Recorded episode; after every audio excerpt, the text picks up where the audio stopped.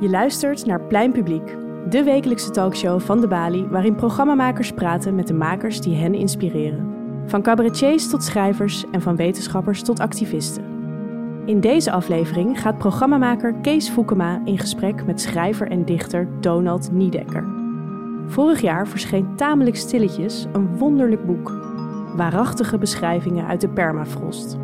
Het boek vertelt vanuit het perspectief van een dode dichter, langzaam ontdooiend in zijn vier eeuwen oude ijsgraf, het bekende avontuur van Barends en de bemanning op Nova Zembla. Niedekker vond nieuwe lezers, won de F. Bordewijkprijs en stond op de shortlist van de Libris Literatuurprijs. Hoe is dit bijzondere boek tot stand gekomen? Je gaat luisteren naar Kees Foukema in gesprek met Donald Niedekker.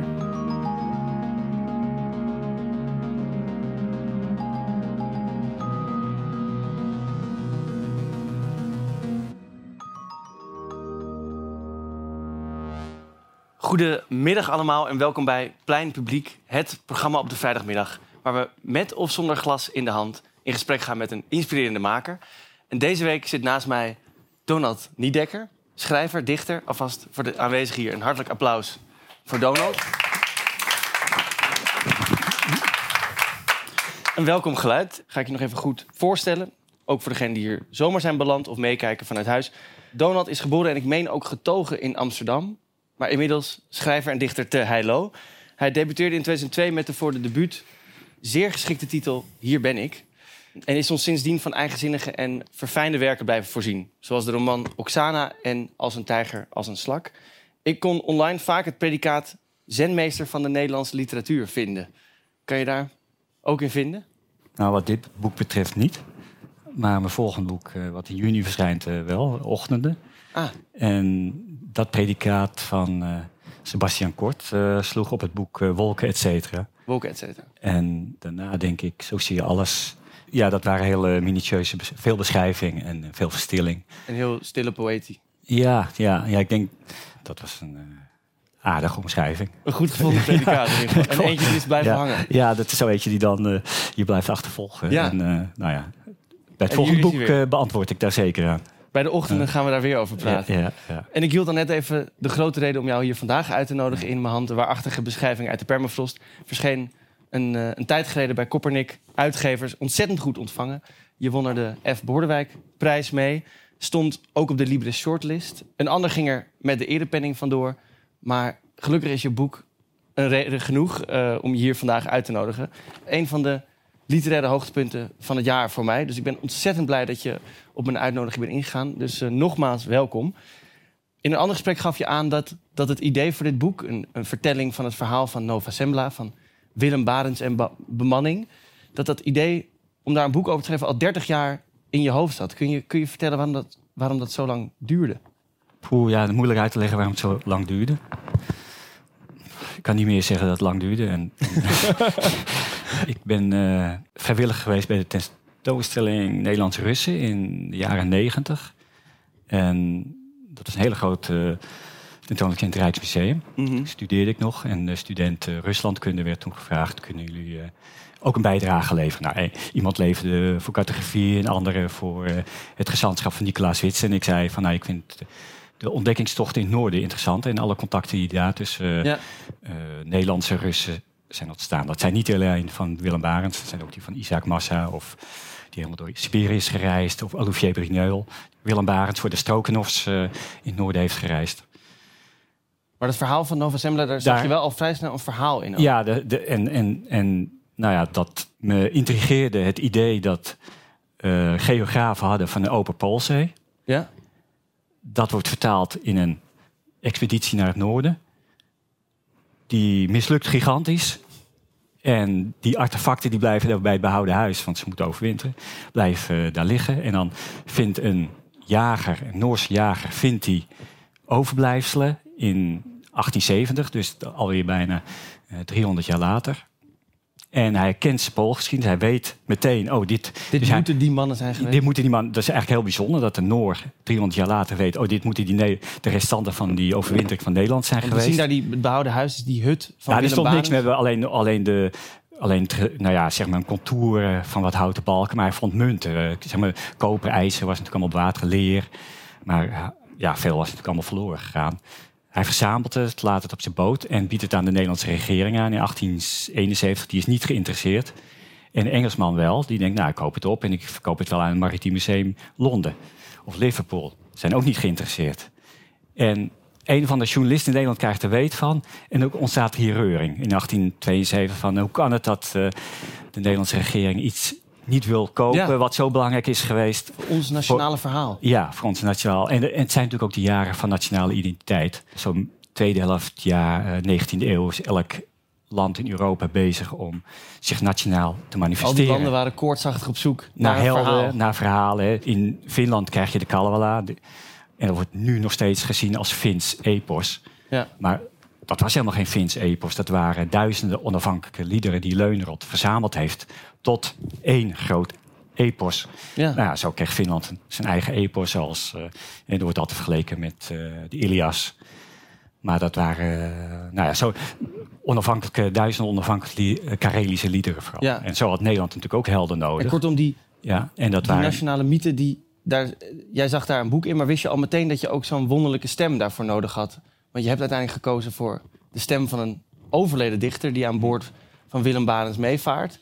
Gevraagd is om een lofdicht te maken over die reis. Nou, die reis die mondt uit in een mislukking. Ja. En die dichter die overlijdt en die, vindt, die vertelt langzaam vanuit zijn ijsgraf... die langzaam door klimaatverandering ontdooit zijn verhaal.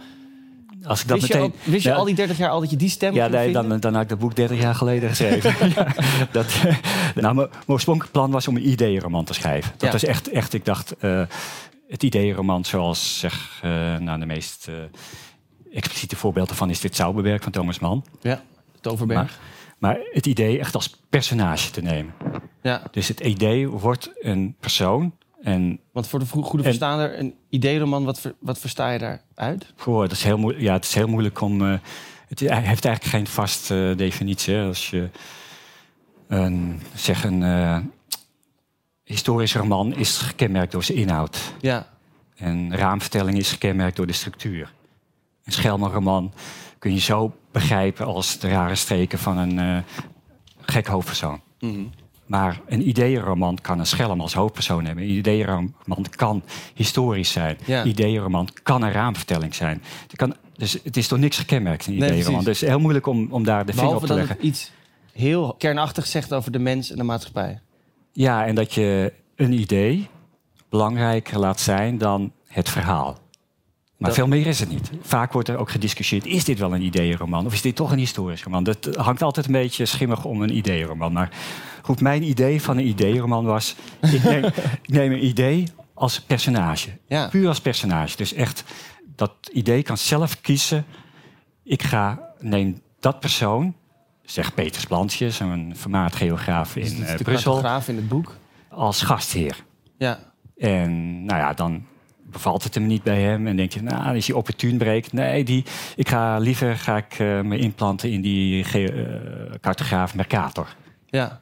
Of nee, ik heb meer kans om als idee te overleven als ik naar het noorden ga. Want uh, nou ja, zuidelijke landen vallen binnenkort aan de Spanjaarden. Die, die zitten helemaal niet te wachten op een noordelijke doorvaart, want die hebben de zuidelijke doorvaart al. Laat ik nu eens uh, gaan nestelen in Amsterdam. Ja. Dus puur maar ja, het werkte niet. Dus, maar dat was mijn idee. ik, ik dacht, dat, dat, maar het leek me heel, uh, heel zinnig of heel ja. uh, vruchtbaar idee. Ik kan me voorstellen dat een zoektocht van 30 jaar kan opleveren om die stem te vinden. En uiteindelijk heb ik die stem verwerkt in een andere roman. Ah. Uh, in Als een tijger als een slak. Waar hetzelfde soort idee is verwerkt. Maar dan is de verteller niet een idee, maar een gedicht. Mm -hmm. Want dat was een ander idee. Ik, ik, vond dat, ik wou altijd een keer een roman schrijven verteld door een gedicht. En dat gaf me enorm veel vrijheid, want een gedicht snapt niks van een roman. Nee. Dus uh, personages worden te laat ingevoerd, de plot klopt niks van. En, nou ja, het is een. Uh, maar het gaf me enorm veel vrijheid. Het gedicht gaat dan helemaal met de roman aan de haal. Ja, nou ja, of de roman met hem, want hij, ja, hij snapt gewoon niet hoe een roman werkt. En, maar toen had ik wel dat idee al. Uh, dus zo'n idee wat dan in je blijft hangen, omdat het geen uitweg vindt in die roman rondom Nova Zembla, is dus wel verwerkt in in als tijger als een slak. En, en hoe moet ik me dat dan voorstellen? Dat je aan een ideeënroman begint en dan langzaam neemt iets, het schrijfproces zelf, het misschien over. En dan uiteindelijk kom je bij deze wonderlijke stem uit? Of dit personage mhm. uit? Ja, nou, en er zit nog een stap tussen. Had toen op een gegeven moment nou, dat idee overboord uh, gegooid. En uh, dacht te schrijven als, uh, als een roman als Beckett. En Samuel Beckett. Ja, ja, en dacht ik aan Happy Days. Um, dat is een toneelstuk natuurlijk, maar goed, Happy Days. En Molly, die in het zand zit. Ja, oké, dat, is een goed idee. Ik, alleen bij mij zit de verteller in ijs. En nou, dat leverde wel 20, zo gratis 20, 30 bladzijden op. Maar toen stokte het.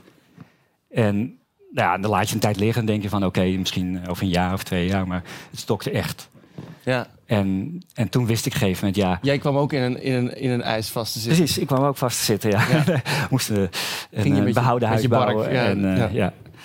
En op een gegeven moment had ik wel door waardoor het stokte, omdat ik gewoon te veel historische detaillering rondom de 16e eeuw wilde. En dan is die kage stem, ja. à la Beckett... Uh, ja, is dan gewoon niet functioneel. Dat werkt dan niet. Dus dat kon je op een gegeven moment loslaten? Ja, moet je dan loslaten.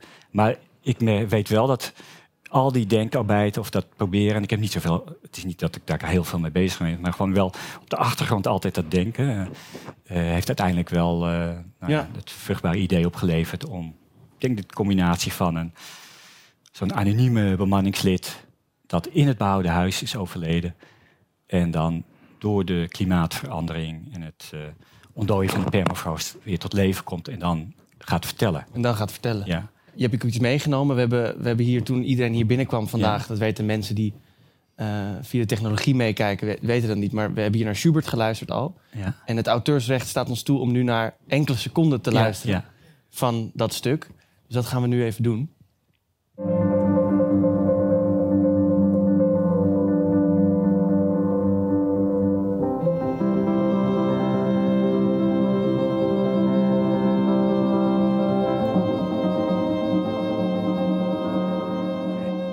Zover het auteursrecht. En dan wilde ik ook iets doen, iets heel Radio 4's even doen. Dit was Fantasie in C, D934, deel 1, Andante, motto voor viool en piano. Ja. Van Frans Schubert. Uh, kun, je, kun je uitleggen waarom, uh, waarom je dit wilde laten horen? Dit uh, gaat nog zo'n beetje een minuut, anderhalf minuut door. Mm -hmm. En het is niet meer dan een tremolo op de piano en één streek omhoog en naar beneden op de viool. Anderhalf minuut. En als je dat op papier, op de, de partituur had gezien en ik had het geschreven, had gezegd, nou, waardeloos, weg ermee. Beetje kan komisch. Niet, kan niet, werkt niet. Ja. Het is, uh, nou ja, loopt daar een eh, kat over de piano of is het een beetje je vingers uh, warm maken. En uh, bij Schubert werkt het natuurlijk altijd.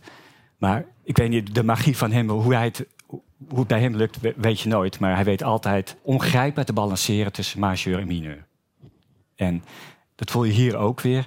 Maar het belangrijkste vind ik eigenlijk, als je dit met sonate-oren had gehoord, dan denk je van ja, hoe moet ik hier naar luisteren? Mhm. Dit is niet het normale uitleggen, spelen van een thema introduceren of een motief. Iets een motief en dat ga je later uitwerken. Dan krijg je een doorwerking en een conclusie en afsluiting. Ik denk, degene die het voor het eerst hoorde, van nou ja, laat ik me even mijn oren, alles wat ik ooit gehoord heb, aan de kant zetten en ik moet nu nieuwe gaan horen. En dat, en dat nou ja, ik heb niet voor niks. Mijn boek begint met een zin van anderhalve bladzijde. Ja.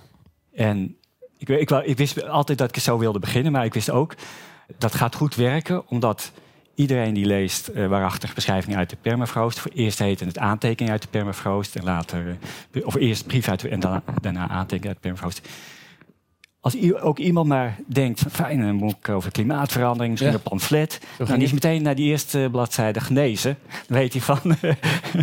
dus, en, en eigenlijk doet Schubert hier ook. Want als je het vervolg van deze fantasie hoort, dat is dan ook echt een dus fantasie. Dus je zet meteen de, de houding van de lezer of de schrijver ja, ja.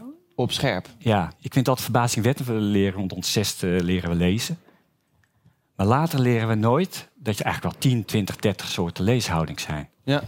En je, we weten, oké, poëzie, nou ja, moet ik iets anders lezen dan, uh, dan, dan proza. In ieder geval anders bij kijken. Ja. in ieder geval dat je de dubbele betekenis ja, begrijpt. Ik snap, ik snap hem wel. Ja. ja. En, uh, een essay moet je ook alweer anders lezen. Ja. Maar elke roman, nou ja, zou je anders kunnen lezen. En dat aspect van een roman, ja. dat je nou, iets, iets, net iets prikkelt van ik kreeg ook een reactie, nou, wanneer was het? maandag bij de Librische uitreiking. Ja. Van, van een lezer dat hij eerst dacht, een jurylid, ja, moet ik hiermee? Mm En toen had een ander jurylid gezegd, lees het als poëzie. En toen ging het open. Ja. Dat vind ik interessant gegeven, want ja, je kunt, ik, kom vaak in een klooster, in, nou, vaak in ieder geval één, één keer per jaar een week, een Benedictijner klooster. En daar is, uh, wordt de Lectio Divina is daar belangrijk als onderdeel, is ook een soort gebed. Mhm. En wat je dan doet, is dat je, je leest. En overal waar je maar een associatie hebt, of even wil mediteren of contempleren, stop je. En dan ga je daarover nadenken. En dan ga je over, of, of ga je biddend over nadenken. Of ga je zoeken naar associaties. Dan ga je misschien, eh, de monniken hebben dan misschien naast het Nieuwe Testament het Oude Testament liggen. Of, of is misschien een uitleg van Augustinus. Ja. Dus dat is al één andere manier van lezen. Mhm. Maar eh, ik was een keer in Istanbul. En ik denk dat het een zaterdag was. Heel vroeg liep ik door die stad. Liep ik een moskee, het binnenplein op. En er was een Koranschool. Een beetje melkachtig glas. En zag je allemaal kinderen, op, op knieën natuurlijk, zo'n beetje bewegend, uh, de Koran lezen. Een hele fysieke leeshouding. Ja, precies. En, maar ook het ritme van... Uh, en nou, ik kon natuurlijk geen, ik kon het niet verstaan. Maar je hoorde hoe muzikaal, hoe mooi de Koran is. Ja. Je snapt waarom, waarom iedereen, waarom mensen die de Koran kennen ook denken dat is Gods woord. Of dat is die taal, ken die, die leer je moeiteloos uit je hoofd. Ja. Dus dat is alweer een andere leeshouding. En, en, en dat vind ik vaak uh, zonde dat sommige boeken. Daar niet mee spelen. Ja, ja en, maar ook dat sommige boeken dat een andere leeshouding verdienen. Maar eigenlijk al voordat de lezer daaraan toe is, al afgekeurd is of weggegooid. Of... En, een, en een goede schrijver en een goede componist in deze zin ook, die kan dat dus ook voor zichzelf organiseren. Die kan, een, die kan met een begin of met een, met, een, met een eerste toets of een eerste hoofdstuk een leeshouding cultiveren misschien wel. Ja, dat hoop je, maar dat, dat kan. Ja, ja. Ik kan me goed voorstellen dat je aan een ideeënroman begint, maar het lijkt in jouw zinnen zo belangrijk dat het ritmisch en bijna muzikaal klopt, dat dat bijna de overhand neemt. En het ver boven het verhaal. Ja, dat klopt. Ja, ik, het meest, meest fascinerende geef vind ik uh, bijna de zin. Gewoon wat kan een zin allemaal? Gewoon ritmisch. En, maar ook op klank mhm. of syntactisch. Kies je bijvoorbeeld als je geen voegwoorden gebruikt. Dan krijg je al snel een beetje stokkerig uh, ritme. Of kan je spanning oproepen of kan je haast. Of, uh, nou, al die, al, ik denk dat nu nog niet 2 of 3 procent van de mogelijkheden ja. zin heb gebruikt. Maar nou, het effect van een korte zin naar drie lange zinnen. Ja. En andersom, nou ja, je kunt zoveel mee, uh, mee spelen. Of, uh, nou, in Nederlands is vrij bipolaire taal. Want we hebben heel veel woorden uit uit de Germaanse stam en heel veel uit de Latijns-Germaanse stam. daar kun je ook mee spelen. Dus, en kun je afwisselen tussen bijvoeglijk naamwoord en zelfstandig naamwoord. Ja. En dit is misschien een, een fijne brug. Want ik wil het heel graag ook over het verhaal zelf en de personage hebben. Maar misschien, nu je toch over dit en zinnen bent gaan vertellen... is het misschien leuk om een stuk te horen. En we hadden al je had iets. een fragment gevonden. Ja, je had iets... We voeren door onbekende wateren en Jacob Sterrenburg riep uit het kraaiennest: Land! En het was ijs. En hij riep: IJs! En het was een witte beer. En hij riep: Zwanen! En het was ijs. We zijn verzeild geraakt op Nova Zembla. Het was, dat spreekt voor zich. Maar door de mythologisering, je het vergeten, niet ons doel. China was ons doel. Katai was ons doel. Kaap Tabin ronde, Estregio de Anian door en dan zuidwaarts naar de geurige en kleurrijke markten van Azië. Peper, nootmuskaat, zijde, porselein. Een nieuwe zeeroute openleggen, benoorden om. Als het was gelukt, dat wil zeggen als Siberië Siberië niet was geweest, een dergelijke uitgestrektheid viel buiten ons bevattingsvermogen en buiten dat van de vermaarde geografen en cartografen. Maar als het ons gelukt was door de koude noordelijke wateren naar Japan, China, Indië te zeilen, had niemand het meer over ons gehad. Zeker, we zouden in Amsterdam groot zijn onthaald met vuurwerk, salvo's en kanonschoten. Met bezuingeschal, hoera geroep en feestgedruis op de Dam. En we hadden erelint omgangen gekregen. Voor welke ceremonie we heel decent onze witte mutsen van Polvorsebond hadden afgenomen. De burgemeester had een toespraak gehouden om vooral de moed, ondernemingszin en krachtdadigheid van Amsterdam te prijzen. waarna we genood werden aan de feestis plaats te nemen. Ik zou mijn loflied geschreven hebben, ter plekke er al uit voordragend, prulwerk, maar in de euforie over de ontdekte toegang tot ongekende rijkdommen zou het geprezen worden als betrof het een epos van Homerisch formaat. Wie kent nu Houtman nog? De Houtman, om precies te zijn. Cornelis de Houtman. Gaat er geen belletje rinkelen? Toen wij op Nova Semla overwinderden, ronde hij Kaap de Goede Hoop en zeilde naar Indië. Het monopolie van de Spanjaarden en Portugezen was gebroken. Niemand heeft het nog over deze expeditie en over deze kapitein, die meer, veel meer, onnoemelijk veel meer, voor de handel en de latere VOC hebben betekend dan wij. Die een stuk of wat kapen en bochten op Nova Semla van een belachelijke voor Russische onuitspreekbare naam hebben voorzien. Je kunt heldhaftig zijn in een totale mislukking, terwijl succes vaak gladjes overkomt. Keurig, een beetje saai. Leuk om tijdgenoten, de salonfiguren van de geschiedenis mee op te winden. Maar zelden bestand tegen het genadeloos oordeel van latere generaties. Alle triomfen en succesverhalen lijken op elkaar. De fiasco's en debakels zijn stuk voor stuk unieke stories maar dat wist hij al, van die Rus. Turgenev. Of hoe heet hij? Uh, Dostoevsky? Nee, nee, nee, nee. Pushkin? Nee, ook niet. Nee, nee. Wel twee lettergrepen, ja. Gogol, ja, Gogol. Ja, een heel mooi stuk. En er, eh, er, valt heel veel uit te lichten in dat stuk alleen al, maar ik vond, het, ik vond het een goed stuk omdat het zo mooi laat zien dat de mythe, waarvan je net al eerder vaststelde dat nou, elk land was op zoek naar een nationale mythe, een nationaal verhaal, dat die van ons dus een mislukking was. Ja, is gestoeld op één totale mislukking. Ja. ja nee. Op zoek naar Noordoostpassage, en je zei het al, op zoek naar kruidnagelen, porselein, nootmuskaat. En in plaats daarvan een hongerige overwintering en de geur van rotte haring en... Uh, en scheurbuik. En scheurbuik. ja, ja.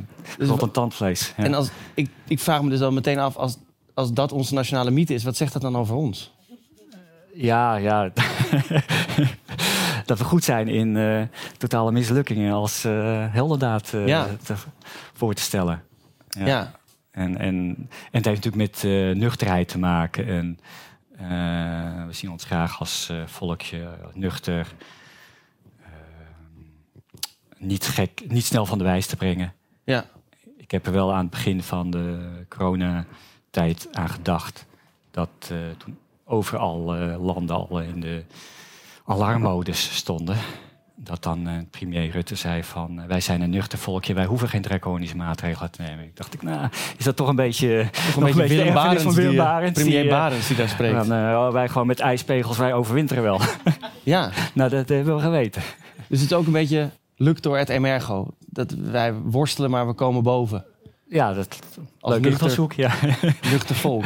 ja, ja, alleen uh, soms, uh, nou ja, er zijn wel mensen die daar een prijs voor betaald hebben. Ja, deze heren in het boek uiteraard. Ja. Maar, en in zekere zin is het ook een mislukking in een mislukking. Dat het doel wat we hadden op zich, een koloniaal handelsvoordeel, uh, de, het aftroeven van de Portugezen en de Spanjaarden, ja, dat was ook al niet op een heel mooi wereldbeeld gestoeld. Ja, nee. ik, ik, vind het echt een opvallende keuze dat we dat als nationale mythe hebben gekozen. Ja, niet alleen. dit is een verhaal wat precies paste in de, in behoefte van die tijd. Mhm. En als het misschien in 1920 was gevonden, was het niet zo Uh, niet, niet opgaan in een uh, nationale mythe. Maar uh, de Gouden Eeuw was natuurlijk ook een belangrijke. Ja. Johan Huizinga heeft trouwens al heel, heel snel, wat nu veel gebruikelijk is, al heel snel gezegd: die Gouden Eeuw moeten we hem geen Gouden Eeuw noemen, maar misschien eh, houten eeuw of eh, ja. van olie. Dus dat werd toen al heel snel eh, gerelativeerd. Maar over die 16e eeuw hebben we het niet zo heel veel. En Amsterdam in de 16e eeuw speelt ook een grote rol in je boek. Maar daarin, of hoe je het beschrijft in ieder geval, dat getuigt ook van een overmoed. bijvoorbeeld dat figuur die Peter Plantius, die dus naar de sterren kijkt en naar kaarten kijkt en denkt, nou, dit gaan wij wel even doen. En dan een totale mislukking. Ja, nou, ja dat, dat is uh, niet helemaal waar. Mhm. Want zo gaat kennis, zo uh, wordt kennis opgebouwd. Dus zeker in die tijd, dat ja, beetje bij beetje werden landen ontdekt voor, uh, voor West-Europa dan. Uh, want de mensen die er woonden, die hadden natuurlijk al lang ontdekt. Dat vergeten we altijd. Maar laten we zeggen, voor West-Europa werden uh, beetje bij beetje werd de wereld in kaart gebracht. En dat ging met mislukkingen. Maar heel deel van Nova Zembla is bij de eerdere tochten wel in kaart gebracht. En men kreeg, om maar één voorbeeld te noemen, bij die derde tocht, was een tocht naar twee schepen, is wel Spitsberg voor West-Europa ontdekt was toen nog niet bekend. En uh, wat men daar ontdekte was dat een eilandengroep op de 1987 Noorderbreedtegraad heel veel bloemen had en zoogdieren had. Dus het idee van Petersplantjes, dat hoe noordelijk je kwam, misschien wel de zee open was, omdat er de hele zomer uh, zon is. Was ja. niet eens zo raar. Alleen is natuurlijk geen weet van een uh, warme golfstroom. Ja. ja dus Nova Zembla groeide niks. 76 eh, Noorderbreedte. En Spitsberg groeide wel uh, lepelblad, wat uh, trouwens weer onder andere lepelblad, maar ook een soort anemonen en uh, papaver, polpapaver. Lepelblad bevat heel veel vitamine C. Ja. Je hoefde daar maar twee, drie dagen van te eten en je was af van je scheurbuik. dat is echt een waanzinnige ontdekking. Zeg je nu eigenlijk, als ze dat geweten hadden dan... Ja, dat, dat, hebben ze ook geweten op een gegeven moment ah. in Spitsberg. En de hele walvisvaart van Nederland is natuurlijk vervolgens naar Spitsberg gegaan. Smerenburg is een kolonie daar geworden. En daar hebben ze 30 jaar, van daaruit hebben ze walvis. Ook geen successtory voor de walvissen natuurlijk. En ook niet voor ons. Op een ruim rantsoen van lepelblad. Bijvoorbeeld, ja. ja. ja, en ingepekeld vlees. En gepekeld. Maar je had, je had, ze natuurlijk vlees en, en het was lekker koud daar, dus je, het dierf niet. Maar je had wel vitamine C nodig. En dat werd toegevonden in uh, bloemen als uh, brakwater, mindend uh, bloemen. lepelblad, die komt uit de Zaanstreek. Ja. En daar heb ik veel, eh, tien jaar lang vrijwilligerswerk gedaan in uh, het Boomjesperveld. Mm Dat is nog brak. Het is nu aan het verzoeten, maar daar groeit ook, groeide ook. Nu is het een beetje aan, wordt het vervangen door dotterbloem, maar daar groeide oorspronkelijk ook lepelblad. Ja. Omdat het brak is. En de vraag was, nou, het was een mislukking, ja. Maar Spitsbergen is er wel door ontdekt. Ja. En tot 1900 had Nederland ook nog een deel van Spitsbergen. Hebben ze aan ik dacht, Noorwegen of Rusland verkocht. Rusland heeft natuurlijk ook nog een deel van uh, Spitsbergen. Het is grotendeels Noors. Maar waarom, vond je het, uh, waarom vond je het zo belangrijk om met die nationale mythe te spelen? Niet per se de nationale mythe, maar ik vind als schrijver... Uh, vind ik altijd mooi om je te verhouden tot mythes of legendes. Dus die enorme voorraad aan verhalen... Mm waaruit je kunt putten... Die we al kennen? Die je al kent. En dat kan ook de Kilkemes zijn. Ik, ik heb natuurlijk ook geput uit de Edda. Of inderdaad ook uit de Kalala. Het Finse e epos, die verzameling uh, verhalen. Maar ook uit de IJslandse saga's. Dat, is, dat krijg je als schrijver gratis. die hele, hele beeldentaal is al ontwikkeld. Daar kun je zo uh, mee spelen of uit putten. En dan, ja. nou ja, welk, welk eigen verhaal of eigen uh, hedendaags verhaal kun je er tegenover zetten. Maar dat hele betekent, dat kun je, nou ja, het soort echo's die je, waarom zou je die niet gebruiken? Ja. Dat, uh... En hoeveel denk je van die oorspronkelijke ideeënroman die je wilde schrijven, hoe, hoeveel daarvan denk je dat we als lezer nu nog teruglezen? Boy, ik denk, ja, misschien, misschien 10 procent. Uh, ja, want ik heb een ander idee, wat ik in Wolken, et cetera, heb uitgewerkt. Dat is ook zo'n idee. en ik denk dat die combinatie uiteindelijk is ontstaan in nou ja, dit heeft mogelijk gemaakt, was, werd ik geobsedeerd door het idee van een ideale kromme. Ja. En die moest dan over de eeuwigheid gespannen zijn. En uiteindelijk heb ik die ook gevonden in de treinreis van Oslo naar Bergen. Het is heel raar, maar dat soort ideeën. Uh, ja, het was geen. Want op zich, want ik begrijp wel, dat wordt een heel abstracte roman. Dus ik doe heel veel aan zintuigelijke uh, aankleding. En maar dat is wel het oorspronkelijke idee geweest van die roman. En het begint al meteen op de eerste pagina van uh, als die verteller zegt, uh, hij of ik. Nou, ik kan net goed jij zijn of wij of uh, et cetera. En dat en et cetera is dan dat et zet puntteken. En dat, dat is een soort opening naar oneindigheid. Naar die perfecte boog. Ja, naar die perfecte boog. Over de oneindigheid gespannen perfecte boog. En nou ja, het gaat ook, kijkt ook naar Vermeer. Hè, want Vermeer is de meester van de, nou ja, die hele subtiele wijfeling of ingetogenheid. Ja. Waar je alles kunt lezen. Is die vrouw nou zwanger of niet? Maar ook, is ze nou blij of niet blij met die brief? En wat betekent die landkaart op de achtergrond? Heeft ze nu een brief gekregen van haar man die op, uh, aan het reizen is? Of uh, is er met de gedachte al bij van, nou, hoe kan ik dit inpassen in? Want hij komt straks of binnen of niet? Uh, dus, dus hij, hij, weet precies alles te vangen in een lijn. Dat, dat uh, nou ja, zoals Schubert begint met zijn fantasie. Dat diffuse, dat ongrijpbare. Dat, dat wilde ik vangen in, in dat boek. wat ook een soort uitgesponnen krommen moest zijn. Ja. Dus nou, als je dat soort dingen verwerkt hebt, dan wordt, is dit eigenlijk een uh, vrij makkelijk boek. Uh, vrij, uh, ja, niet meer zo abstract van die andere denk, boeken. Ik, ja. ik vind ja. het ook zo, zo knap dat je dat, dat, dat, dat idee wat eraan vooraf ging, dat je dat voor de lezer uiteindelijk zo mooi ver, verpakt hebt, als het ware. Ik wil, dit klinkt, klinkt, klinkt haast oneerbiedig, maar ik bedoel het echt als een compliment van. Het, het is, dat idee voel je heel erg, maar het leest heel zintuigelijk en beschrijvend en daardoor voert het je mee. Ja, ja en dat was dus de, de, enorme plezier in de 16e eeuw. Gewoon het enorme Amsterdam in de 16e eeuw, of überhaupt de 16e eeuw. Die enorme kennishonger die er is. Want zelfs zo'n figuur als Peters Plantjes, wat een hele steile Calvinist is, die andere het leven zuur maakt. En uh, nou is Arminius rekkelijk. verwoorden. Ja, rekkelijk. Uh, ja, zelfs in het noorden waren, eigenlijk, waren echt vrij ontspannen in het noorden wat geloof betreft. Dan krijg je die bubs, steile Calvinisten uit het zuiden. Ja. En nu is het juist andersom. Die denken het zuiden zo rond. En nu zitten wij opgeschreven met al die Calvinisten. Dus uh, heten wij nog stijf en, en streng. En, maar het was eigenlijk andersom. Maar ja. zelfs die, die, die strenge, steile Peters Plantjes...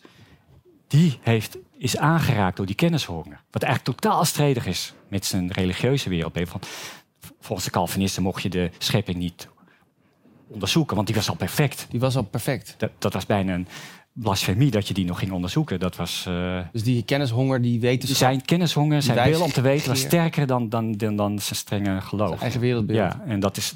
Ja, dat, die, die 16e eeuw staat echt onder tilt van uh, mensen die allemaal... Uh, meer willen weten en, en, en, en elkaar stimuleren om, om meer te weten. Ja.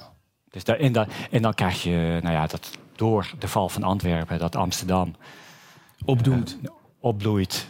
En de val van Antwerpen in 1585. Eerst nog natuurlijk de blokkade van de Geus. Dus het einde van de Antwerpse haven. Ja, ja, eerst door de Watergeus de blokkade en dan uh, nog de Spanjaarden eroverheen. En dan trekt iedereen naar boven. Geld gaat naar het noorden, kennis gaat naar het noorden. En Amsterdam uh, krijgt precies die impuls. Die, uh, want dat, dat vergeet, het, zeg ik vanuit mijn saand chauvinisme, maar ik geloof dat het zelfs waar is. Totdat al die Zuidelingen kwamen, werd er eigenlijk vrij veel Saans gesproken in Amsterdam. Echt? Zou, zou, ik, ik, weet niet, dat zou niet, maar goed, misschien is dat mijn Saans chauvinisme, maar uh, voor mij... Het, Wellicht dat er een, ja. kijker dat wil uitzoeken voor... Ja, een dialect, iemand die echt dialecten kent van... Ben ik nog wel eens gecontroleerd zien. Precies. We gaan er nog, naar nog iets kijken. Uh, nog een beeld dat we hebben meegenomen. Dat is dit beeld. Het komt uit de film De kleur van de granaatappelen. Een film uit 1968 van de Sovjet-Russische regisseur Sergei, Sergei Parajanov. Ja. Waarom is dit beeld voor jou zo mooi? Of, uh... Nou, oorspronkelijk eigenlijk uh, precies hetzelfde als waar, waarom ik het fragment van Schubert had gekozen. Ja. Als je het begin ziet van uh, de kleur van de granaatappels van uh, Sergei uh, Paradjanov, een Georgisch-Armeense filmer, die leefde van zo'n beetje 1923, 1990, zo 24, 1990. Een vaak in gevangenis gezeten. Gehad. Ja, ja, vaak in gevangenis gezeten, omdat hij tegen de norm in filmde. maar zijn hele film is bijna opgebouwd uit beelden. Mm -hmm. Het is alleen maar beeldtaal. Dus al je verwachtingen over normaal. Ik krijg een uh, verhaal voorgeschoteld en uh, ik hoef niks te doen. Ik kan achteroverleunen en uh, ik word wel geleid naar het plot en Allah. Mm -hmm. Nou, je hoeft maar die eerste beeld. Je weet al, net als je de eerste toon hoort van fantasie. Maar we kunnen misschien nog, nog een paar zien. Ja? Dan weet je van, oh, nu, ik moet zelf gaan associëren. Ik moet zelf het verhaal maken. Ja. Maar elk beeld zou je wel tien minuten naar kunnen kijken. En, en het gaat ook over een uh, uh, Noah, de Armeense troubadour uit de 18e eeuw. Ja, het is alsof elk beeld een lied van hem of een gedicht van hem uh, verbeeldt. en, en, en nou ja, elk, elk frame een, ja. een, een ander gedicht, een ander ja, schilderij. Ja, ja, en zo'n intensiteit. Nou, hier trapt dan een voet gegeven moment op die druiven. En die, nou, dan zie je dat die druiven uitgeperst worden. En, en het is ook je achtergrond zie je, denk Armeens. En, en dan en ligt enorm nadruk ook op belang van heiligheid van tekst en boeken. Mis jij dit ook een beetje in, in, in het landschap van vandaag, in literatuur en film bijvoorbeeld, dat makers ervoor kiezen je met beelden zelf aan het denken te zetten? Ik denk eigenlijk dat literaire pijl al redelijk hoog is. Ik denk dat juist wel, uh, als ik ook kijk naar die shortlist van de Librisprijs, stond echt uh, nou, in de diversiteit van boeken. Mm -hmm. Maar als je kijkt naar het boek van uh, Yves Petrie, wat gewoon heel krachtig van taal is, gewoon een feest van taal. Nou, alsof je zeg maar, Nietzsche met de hamer hier en schrijven met de hamer. En elke pagina wel drie, vier zinnen waar je denkt, nou, die wil ik onthouden of die wil ik... Uh, Onderstrepen. Ja, Peter Santing, die heel, heel verfijnd mooie rieten passage beschrijft van de persoon in een trein. Het klassieke heldverhaal, maar... Een mooie boog. Je hebt zelf maar uit te zoeken hoe, dat, hoe dat nou precies die twee, uh, twee verhalen. Peter Terrin, uh, heel mooi gesiceleerd verhaal. Eigenlijk, ik denk misschien hij, uh, heeft geschreven voor de polyfone roman. Misschien heeft hij wel nog beter dan uh, een, een polyfone roman geschreven met de gebeurtenis. Een polyfone roman? Ja, dus dat je gelijk, gelijkwaardige stemmen. Die, niet één is begeleiding of van de ander. En niet één is een hoofdstem. Allemaal gelijkwaardige stemmen. Mm -hmm. En toch staat er enige harmonie. Nou, en ook die jongen heeft, uh, zoals altijd, uh, gewoon goed. weet altijd uh, motief en thema zo te. Hij kan nou, nu zeven over rijbewijs halen, maar hij weet altijd een verhaal van te maken. Dus, dus je hebt niet het gevoel, die lijst met wie ik daar zat vorige maandag, die moet nog wat van Parajunov leren of wat dan ook. Nee, nee, nee. Dat zit eigenlijk wel goed. Nou ja, ik, ik, ik heb geen generaal overzicht van de literatuur, dat, dat kom ik niet aan toe. Ja. Maar wat ik oppik is, nou ja vind ik van hoge, goede, hoge kwaliteit. Ja, het kan niet. Uh, nee. Ja. Klimaatverandering dan? Een drijvende kracht achter plot in jouw boek. De, de, de opwarming zorgt ervoor dat de, nou ja, de, de, de vertelkracht of de vitaliteit in, uh, terugkeert in de, in de stem van die anonieme dichter. Was dat, uh, was dat altijd al het idee? Of heb je klimaatverandering een beetje ingezet om het verhaal te kunnen vertellen? Ja, het is niet. Uh, uh, nou ja, ik had net boek over het boek van Peter Santing, uh, tussentijds. Die heeft echt klimaatverandering gethematiseerd. Mm -hmm. dus de vraag, wat betekent ouderschap? Aan de vooravond, zoals de hoofdpersoon noemt, de zonvloed. Het is bij mij niet gethematiseerd, klimaatverandering. Het is meer de entourage, het decor, maar wel een voorwaardelijk decor. Ja. En, en in die zin, nou, niet onbelangrijk. En een andere stem. Het zou de verteller kunnen zijn. Het zou die zelf, maar het zou ook een andere stem, een iets breder stem kunnen zijn. Het zegt ook ergens, uh, ogenblik gaat voor eeuwig. Ja. En nou, het knipoog naar uh, Vondel, uh, die natuurlijk zegt, eeuwig gaat voor ogenblik. Hè. In het gedicht Kinderlijk, wat hij geschreven heeft na het overlijden van zijn jong overlijden van zijn, zijn eigen kind. kindje. Ja. En klimaatverandering. en en ja. kijk, hij kon nog vanuit zijn wereldbeeld zeggen... Uh, nou, leer dan reizen naar Parijs uit het slik... met gepijs naar Paleis uit het slik. Uh, in deze wereld, die soort wereld. Eeuwig gaat voor e ogenblik. Maar wij kunnen dat niet meer zeggen. Eeuwig gaat voor ogenblik. Dat is niet meer neutraal. Los, los van uh, dat, nou ja, dat God dood, doodverklaard is. We staan gewoon aan de vooravond van, van een niet te overziene catastrofe. Ja. Vandaar dat die persoon zegt, ogenblik gaat nu gewoon voor eeuwig. Ja. Dat, daar moeten we ons heel goed bij uh, heel goed beseffen. En we kunnen ons ook niet meer veroorloven. En uh, alleen vanuit mensen te spreken. We moeten nu spreken namens, zover we dat kunnen, namens dieren, dingen, rivieren, bossen. landschappen. Ja, alles. We moeten, kunnen echt ons niet meer veroorloven om alleen, uh, zo, nou ja, beperkt humanisme vanuit alleen de mens op de troon van de schepping. En die, uh, en die menselijke stem maar steeds te vieren. Ja, ja, in die zin is het wel een, verwerkt in die roman, maar niet thematisch, maar wel uh, als, als uh, motief. Ja. En daarmee ook het idee van de ideeënroman af. Ja. Wat tijd betreft, omdat jou die stem geeft jou het register om nou ja, 450 jaar te overspannen, te beschrijven. Daarin heb je als lezer ook een hele diepe tijdbeleving die veel verder gaat dan alleen het leven van de mens. Er gaan op een gegeven moment voltrekt zich in twee zinnen of zo het leven van een, van een ijsbeer, zo naast mhm. de, de verteller. En ja, ik denk dat we dat altijd zou kunnen beleven hoor. Dus hij heeft dan het geluk gehad dat hij uh, in het Bouwhuis is overleden, in het ijs is begraven. En daardoor... het geluk gehad. Ja, heeft kunnen leren communiceren met shamanen die daar rondreizen. Ja. En heeft kunnen leren van hoe walvissen communiceren. Dus hij heeft geleerd om zijn zintuigen, nou ja, wat oorspronkelijk tribale volkeren kunnen en konden. En wij waarschijnlijk ook. Dat je je zintuigen voor je laat reizen. En dus laat communiceren met, nou ja, zeg maar, waar is een ijsbeer? Mag ik jou doden? Of ben je misschien een voorvader? En als ik je dood, waar moet ik je dan doden? Ben je het mee eens? En uh, om weer op te gaan in de cyclus van ons stam.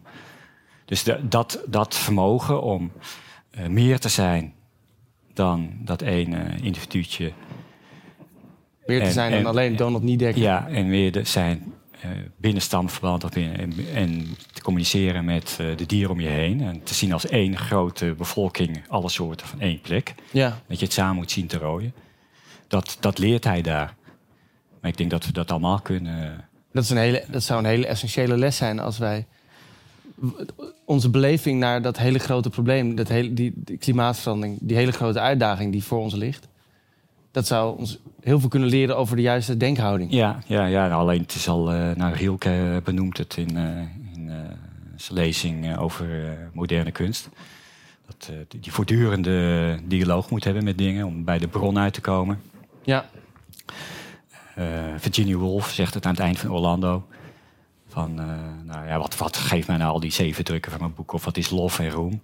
Het gaat altijd in de kunst om de dialoog van stem tot stem. Die voortdurende verborgen samenspraak.